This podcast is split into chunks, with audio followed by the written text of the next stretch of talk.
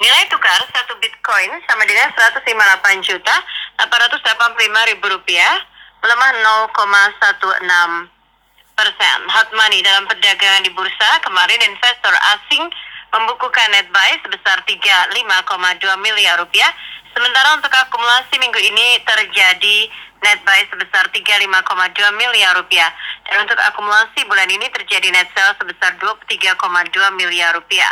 Harga minyak mentah di New York Mercantile Exchange 39.25 dolar Amerika per barrel.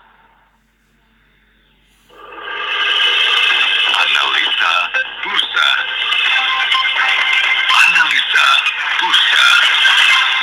Analisa bursa kami hadirkan saya Mary Agustin. Pagi ini terhubung dengan Bapak Luki Bayu Purnomo, Investment Advisor and Founder LBP Institute. Selamat pagi Pak Luki Bayu.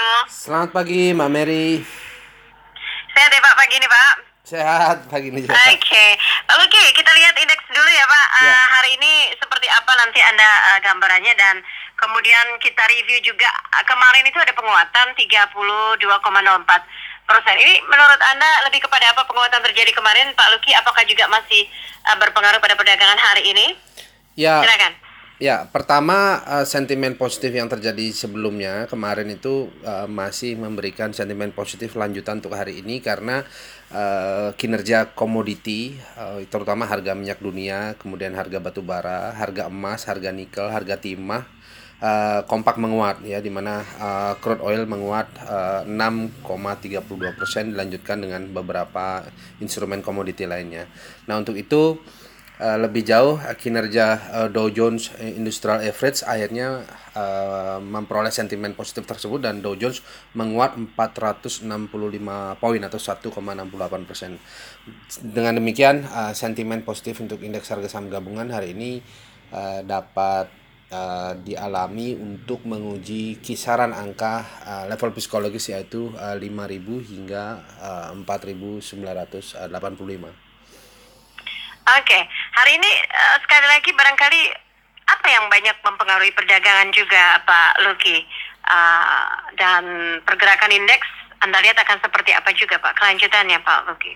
Indeks cenderung menguat eh, dengan target angka psikologis 5000. Eh, kemudian eh, ada beberapa sektor yang dapat diperhatikan antara lain adalah eh, sektor perbankan karena kita ketahui selama ini banking dalam eh, dua minggu terakhir itu mengalami pelemahan. Nah untuk itu eh, pilihan dari sektor perbankan itu masih ada di saham-saham yang berkapitalisasi besar yaitu uh, Bank BRI, Bank BNI dan uh, Bank Mandiri. Nah, sementara untuk sektor properti uh, adalah sektor pilihan yang dapat dihindari dan sektor retail juga sektor yang dapat dihindari.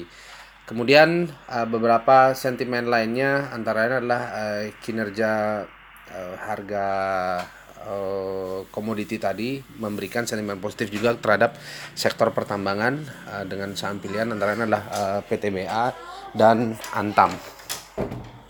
Baik, ya Pak Luki terima kasih banyak waktunya untuk Pas FM pagi ini. Selamat melanjutkan aktivitas, selamat berbisnis.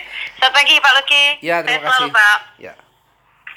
Mitra bisnis demikian investment advisor and founder LBP Institute Luki Bayu Purnomo yang baru saja kami hadirkan di analisa bursa. Hashem.